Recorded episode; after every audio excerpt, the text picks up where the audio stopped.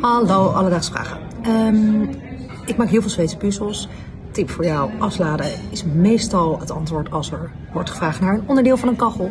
Ehm, maar ik vraag me af, wie maakt dit eigenlijk? Een computer of een persoon? Ehm ben benieuwd. Alledaagse vragen.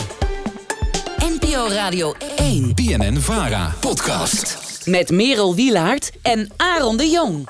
Minke uit Amsterdam, wat een goede vraag. En eh, ja, ik weet het al, ik ga dit weekend absoluut een eh, woordpuzzelboekje er weer bij pakken. Ja, je bent fan? Ik ben een heel groot fan. Kijk, Aaron, ik weet dat jij heel veel eh, artikelen hebt geschreven. Hoe staat het met je, met je woordenschat? Redelijk adequaat. Redelijk adequaat. Ik weet wel dat jij altijd puzzel zegt. Ja, maar dat heeft met mijn Drentse opvoeding te maken. Oké, wil je er wel mee ophouden? Vooruit. Oké, dankjewel. Ik ga deze hele aflevering niet puzzel zeggen. Ik hou je er echt aan hoor. Maar om een antwoord te geven op de vraag van Minke, heb ik gebeld met Mark Lene. Mark Lene is eh, puzzelmaker bij Casing Media Group. En dan moet je denken aan een bedrijf dat puzzels maakt voor verschillende kranten. Echte grote kranten in Nederland. Maar ook die denksportboekjes die ik dus heel graag eh, invul Ah. in mijn weekend. Mark loopt al even mee in het puzzelvak. Perfecte guy dus voor een antwoord. Nou, de, een woordpuzzel wordt met, met hulp, met behulp van de computer gemaakt. We hebben een, een, eh, een computerprogramma met woorden, eh, omschrijvingen, diagrammen. Dat is er allemaal ingezet en dat woordenbestand wordt eigenlijk eh, altijd up-to-date gehouden. Een programma maakt dan eigenlijk die, die puzzel. Kijk, uiteindelijk, de computer is natuurlijk een dom ding eigenlijk. Hè? Dus dat wordt gewoon gevoed en je, en je stelt dat in. Als ik het goed begrijp, maken ze dus met behulp van de computer, maar doen ze het maatwerk een beetje zelf. Mooi samenspel dus tussen mens en computer.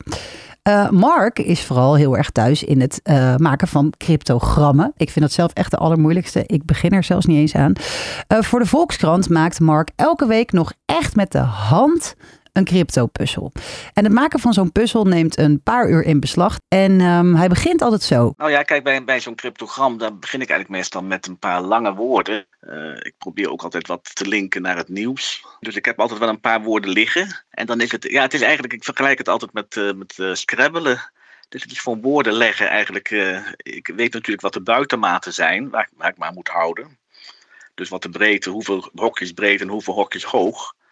En verder kan ik dan, eh, ja, heb ik vrij spel eigenlijk. Maar eigenlijk is hij voor zijn werk ook gewoon aan het puzzelen. Het lijkt me echt oprecht een superleuke baan. Ehm, ook voor andere handpuzzels geldt dus niet alleen de cryptogrammen. Dat je echt aan de tekentafel gaat zitten om die hokjes en dat raamwerk te maken. Ehm, de perfecte balans voor een goede puzzel zit hem in uitdagend genoeg zijn. Maar ook zeker weer niet te moeilijk. Want anders haak je natuurlijk logischerwijs af. Dus er moeten genoeg letters kruisen met elkaar om jou te voorzien van de beste hints. Nou, Minke die zei aan het begin al even eh, dat het antwoord vaak asladen is als er gevraagd wordt naar een onderdeel van een kachel. Mark kon daar ook nog iets over kwijt. Nou ja, dat is eigenlijk een wo- woord wat er van mij wel uit het bestand zou mogen. Want het is eigenlijk een beetje een ouderwets woord. Vooral dat la, als la de. Ja, mocht je je afvragen of er voor iedereen een puzzel is, zeker weten, woordpuzzels zijn er op allerlei niveaus. En als je ze veel maakt, kan je jezelf dus echt trainen om beter te worden. Al dus, Mark. Alledaagse vragen. Aaron, Ja, woordpuzzels, spelling, spellen. Snap je de link al? god, nee. Misschien heb je er wel eens van gehoord, zo'n spelling bee. Oh, ik dacht even dat je me een dicté ging laten Een doen. spelling bee? Ja, spelling bee. Dat zijn van die enorme spellingwedstrijden in Amerika. Eh, vaak voor kinderen, pubers, middelbare schoolmensen. je kent het allemaal wel. En een van die publieksfavorieten uit zo'n wedstrijd in Amerika is Akash Vukoti. Eh, op dit moment is hij 13 jaar. En in dit fragment is hij zelfs nog iets jonger dan 13 jaar. En samen met bekende comedian en presentator Steve Harvey houdt hij een spellingswedstrijd. What's the word? Pneumono ultramicroscopic silicovolcanoconiosis. What did you say? Pneumono ultramicroscopic silicovolcanoconiosis. Okay, okay. P N E U M O N O U L T R A M I C R O S C O P I C S I L I C O V O L C Hou op. Hoe lang gaat dit door? C O N I O S I S. Pneumano ultramicroscope is so good. Can't go the Het is goed. Jemig. Het is gewoon goed. Wat een talent. Hij kan het groot Nederlands dicté een puntje en zuigen. Absoluut. Eh, wil je weten wat het langste Nederlands woord is trouwens? Salski paard. Aansprakelijkheidswaardevaststellingsveranderingen. Een gezellig woord. Dus Minke. Puzzels worden inmiddels met hulp van een computer gemaakt. Maar de puzzelmakers houden zelf de woorden bij en zorgen dat het programma up-to-date blijft. Ook de moeilijkheidsgraad kan je instellen en zelf bepalen.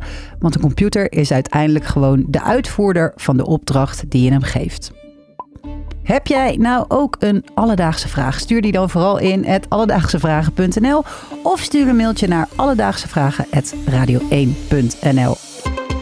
Alledaagse vragen.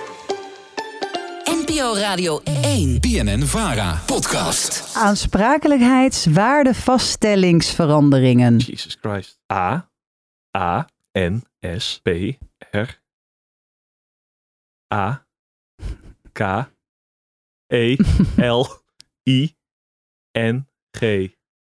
Wat is de aanspraak? Nee, dit gaat echt... Laat maar. Aansprakelijk.